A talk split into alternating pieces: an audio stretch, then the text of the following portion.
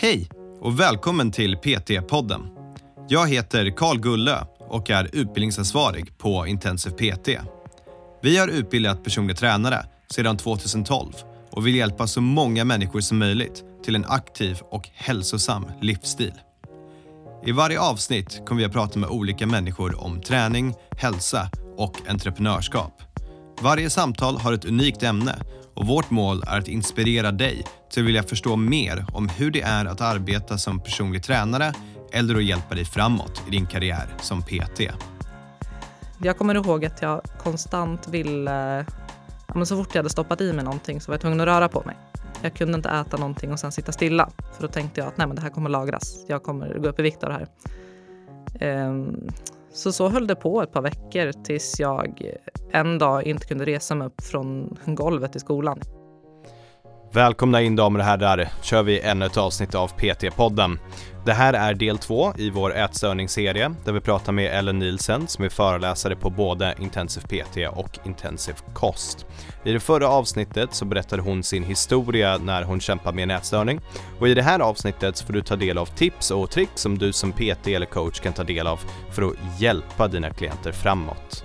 Jag hoppas du tycker att det här är lärorikt, jag tycker det är superintressant och med det sagt så kör vi igång.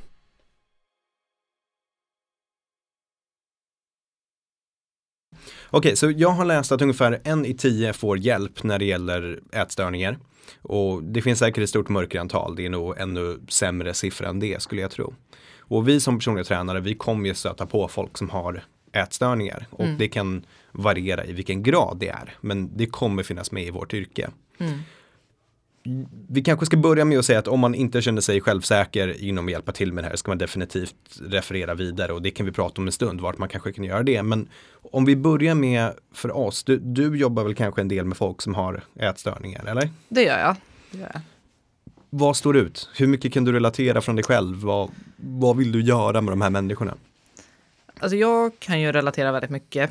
Eh, jag ser ofta varningstecken ganska tidigt.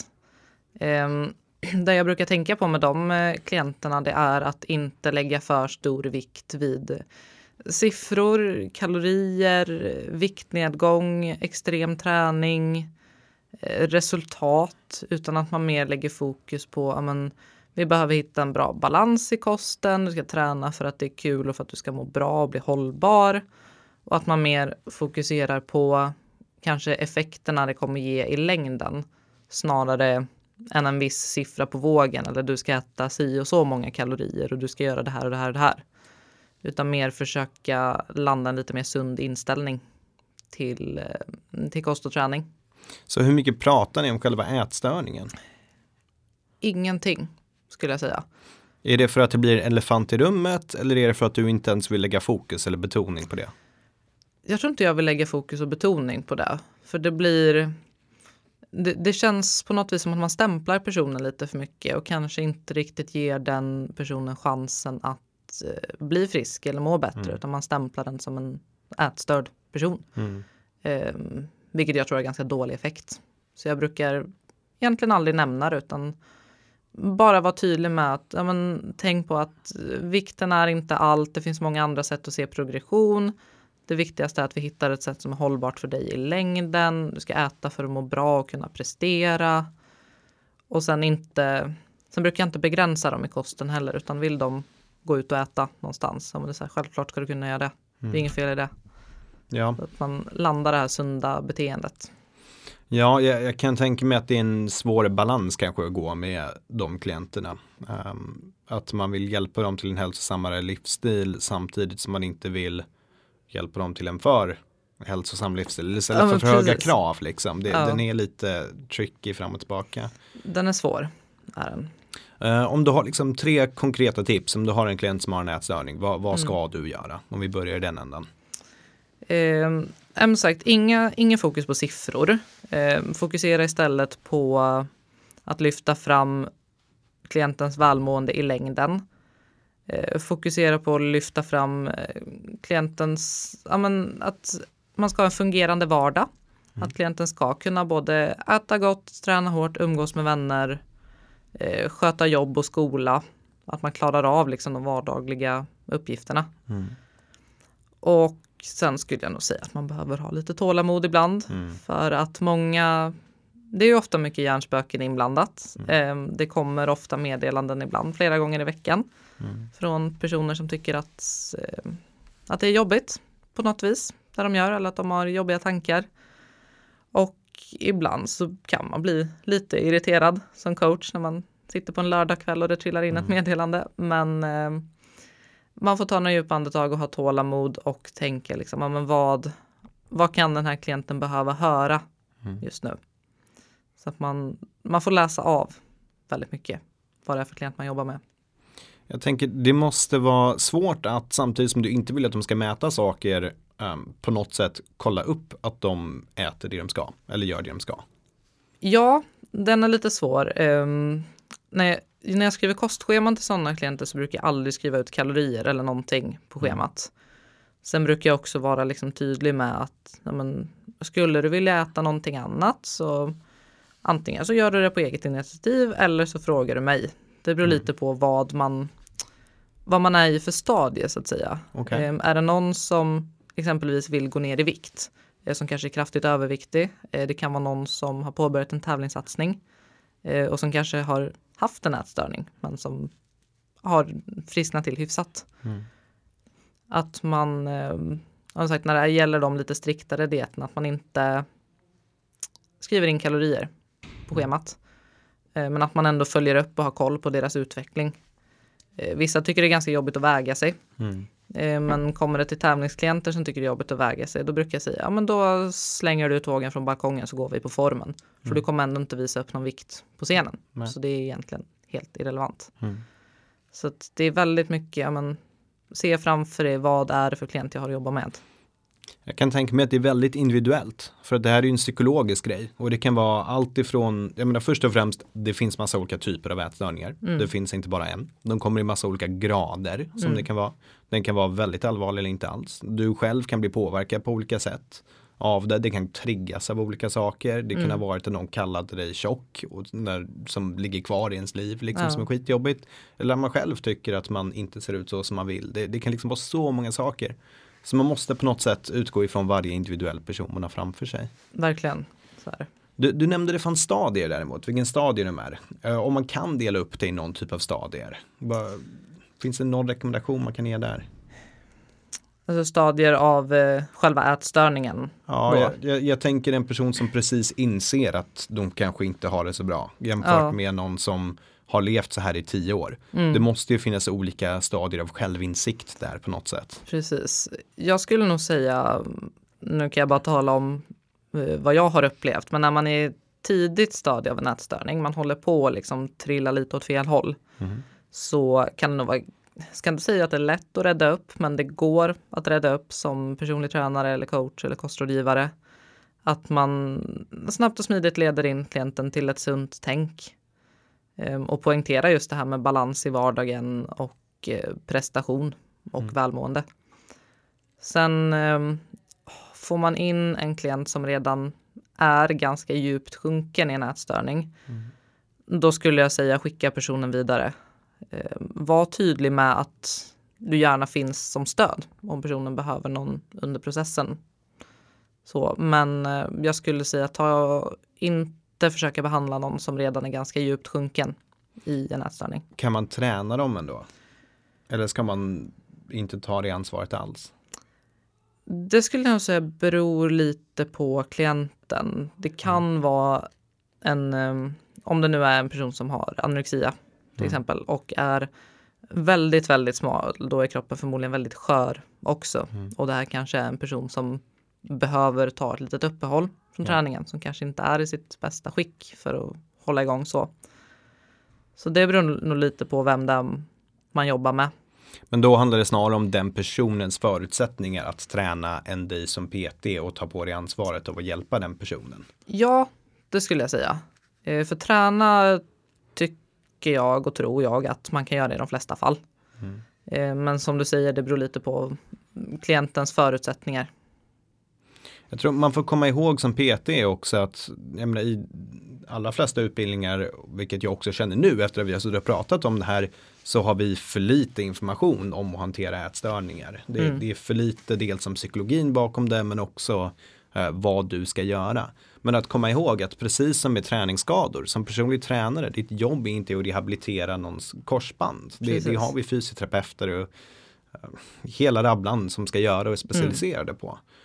Om du har en person som kommer in till dig med en ätstörning och vill ha din hjälp, det är kanske självklart att de kommer till dig för att du är på gymmet och de ser det ofta. Men på något sätt, det är inte ditt ansvar. Det, det är inte upp till dig som PT som står där med klienten om de blir friska eller inte. Nej men precis, då sköter man egentligen bara träningsdelen. Man ska se till att den här personen, det kanske är en tjej eller kille som jättegärna vill, bara vill lära sig att träna rätt. Liksom, ja, men hur, hur beter jag mig på gymmet egentligen? Vad ska jag träna? Hur ska jag träna? Och det ser inte jag några problem i för de allra flesta. Ehm, Det, det låter som mer och mer för mig, det är att det viktiga om man har en person som kommer in så här, det, det är kanske inte vad man ska göra med personen.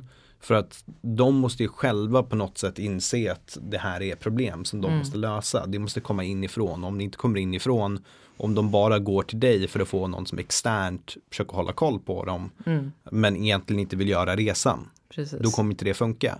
Så det viktigaste, det kanske är vad du inte ska göra för att förvärra situationen med en sån person.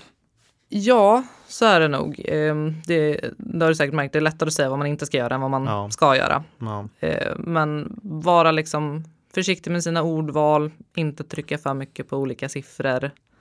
Så, och sen så här, klienten själv, de, de är ofta ganska medvetna om att de, om de nu har ett beteende som inte är helt friskt, så vet de ofta om det. Ehm, jag har haft klienter som eh, har insett efter ett tag att nej, jag, nu har jag landat i ett fel tänk. Ehm, så vad, vad tycker du vi ska göra då? Liksom, och jag bara, men, ber dem att utveckla lite grann. Bara, men, vad menar du med fel tänk? Känns det liksom inte bra kring maten? Eh, är det någonting du önskar från mig eller bara bolla lite med dem?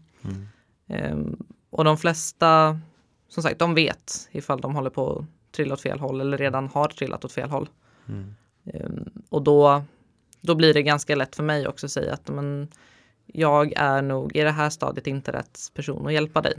Utan jag tycker att du ska vända dig till vården istället och få den typen av hjälp. Och det är vården då som gäller, det är där vi vill referera i sådana fall. Ja, det skulle jag säga. Vända sig till sin eh, vårdcentral eller skolsköterska om man nu går i skolan. Och sen så får man ofta, blir man ofta vidare remitterad därifrån till eh, ätstörningsenheten. Jag tänker, det, det här kommer ju vid äldre åldrar också, det är inte bara yngre eh, folk som går i skolan. Jag vet inte om det är svårare för en person som kanske är 40 jämfört med en person som är 15 att börja prata om det här och handskas med det. Eh, Det tror jag att det är. Men det är vården då som gäller också i sådana fall och börja gå in den vägen. Ja, Jag tänker man kan ju inte gå till skolsköterskan då. Liksom. Nej men precis, det är svårt när man är 50. Precis, precis. Okej, så det, då har vi lite att man ska vara försiktig när man pratar med dem. Men i allmänhet, det här känns som ett svårt ämne. Det är ett jättesvårt ämne i och med att det är, det är psykiska besvär. Det är ingenting du kan se svart på vitt vad det är egentligen.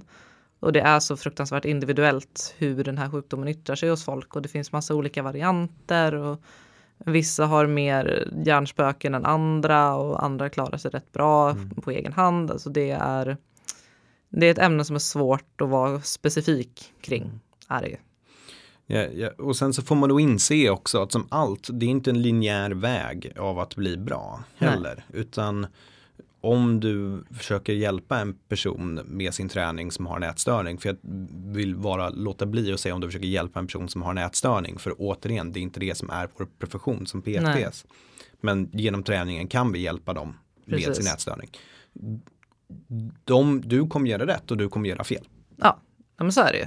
Det, och klienten kommer göra rätt och klienten kommer göra fel. Det Oh ja. kommer inte vara en 100% perfekt väg. Du kommer kanske skämta om att du binge åt någonting när du kollade på ett tv-program eller något sånt utan men att tänka dig precis. för.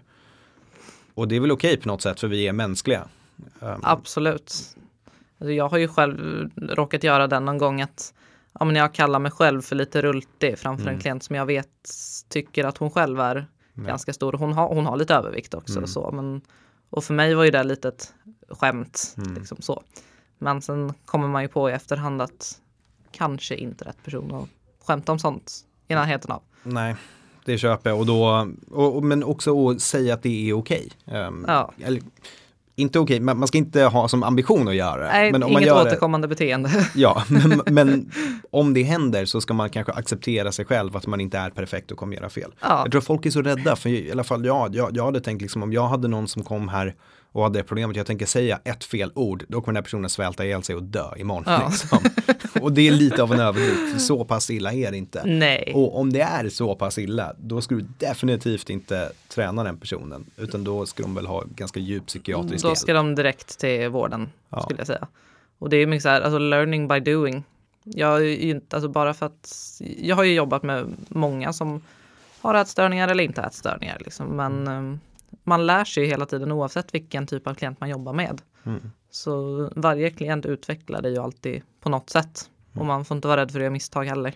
För det gör man jämt. Det, det här är intressant för du säger att de ska gå till vården och jag sa direkt att de behövde psykiatrisk hjälp. Jag, jag inser mer i mitt huvud då att jag går till, och det menar inte jag som ett så här elakt psykiatrisk hjälp, jag menar alltså terapi eller Ja. någonting. Min, min mamma är terapeut så jag är verkligen så här, Ja. terapi är the shit liksom, det är bra för alla, alla behöver mer terapi. Ehm, men jag tänker mer på den psykologiska aspekten. Men du har ju helt rätt, att har du någon som verkligen är i en riskzon, det finns ju problem för deras hälsa och då är det kanske vården mer som de behöver gå till för att deras kroppar funkar inte som de ska. Och Nej, då men kanske precis. de behöver hjälp inom det innan de överhuvudtaget kan ta del av huvudet och det mentala. Liksom. Jo, men så är det. ju. I vissa fall är det ju klienter som behöver bli inlagda för att deras hälsa är så pass stor riskzon. Så det här vill jag prata om, röda flaggor för när du verkligen är liksom, du, du tar klienten, stoppar in den med en taxi och, skickar iväg dem till Ja. sjukhuset. Det, vad finns det för röda flaggor? Alltså, jag skulle säga det mest uppenbara är ju om man ser på klienten, alltså kroppsmässigt, att det här är en fruktansvärt undernärd person. Det är ofta väldigt tydligt. Ehm, annat kan vara, um, något som jag upplever är ganska vanligt också, är att folk kommer och säger att de vill gå ner i vikt eller tajta till. Och sen så ser man liksom hur de ser ut och gör sina mätningar och så här och ser att det finns liksom ingenting här att ta av. Eh, Då brukar jag vara ganska rak och ärlig och säga det. Alltså, jag, liksom, jag respekterar att du vill gå ner i vikt och tajta till, men min synpunkt på det hela är att det kommer inte bli hälsosamt. Eh, Jag tycker inte att det är ett sunt tänk och eh, om jag får lägga fram ett förslag så säger jag att vi borde fokusera på en hälsosammare kosthållning. Eh, Så. så att det är också något man kan vara vaksam på. Men hur ser de på sina egna kroppar? Är en väldigt smal person som vill gå ner i vikt? Mm, kan vara ett varningstecken. Behöver inte vara, men kan vara. Eh, vad ska man mer vara vaksam på? Jo, men eh, jag skulle säga lite rädsla och oro. De flesta, eller många, är väldigt oroliga kring eh, sin kroppsvikt. Att oj, nu gick jag upp ett halvt kilo, oj, nu gick jag ner ett halvt kilo, oj, nu gick jag upp två kilo. Ja, men vänta, jag har ju PMS nu. Ja, men det är klart jag gick upp två kilo. Alltså att de, de börjar resonera mycket kring sin vikt och lägger någon slags värdering i vad de väger. Att de låter det definiera dem som personer. Brukar också kunna vara ett varningstecken. Och sen eh, egentligen bara om de uttrycker någon slags ångest kring mat, att de har jättesvårt att hålla sig till kostschemat för att de kanske hetsäter eller börjar ta bort mat, att de gör liksom justeringar i schemat som känns tryggare för dem. Eh, Sånt kan vara svårt att se. Eh, Vissa är öppna med det, andra säger ingenting. Så, så att många varningstecken är också lite diffusa. Det är svårt att veta, är det här ett varningstecken eller är det inte det? Nej, jag förstår det. Skulle du vilja säga någonting till de PTs där ute som har klienter som har ätstörningar? Eller som misstänker att deras klienter har ätstörningar? Oj, svår. Ehm, nej, men jag skulle nog säga, som jag sa lite tidigare, att um, sätt hälsan i fokus. Långvarigt välmående.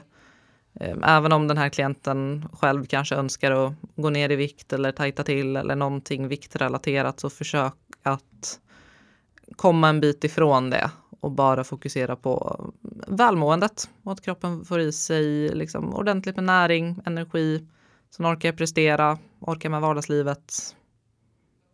Det är nog viktigast att lägga fokus på. Coolt.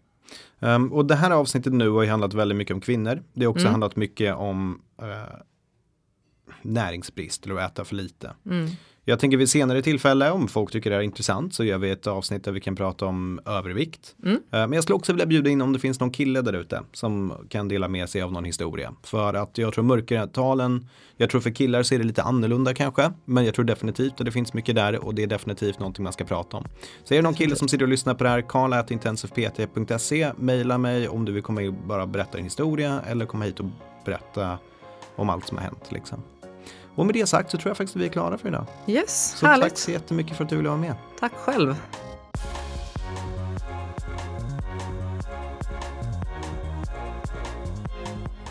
PT-podden är producerad av Intensiv PT. Om du vill veta mer om våra utbildningar och gå med i nätverket av framtidens personliga tränare, gå in på www.intensivpt.se. Vi har kursstarter varje månad och du kan studera helt i ditt egna tempo.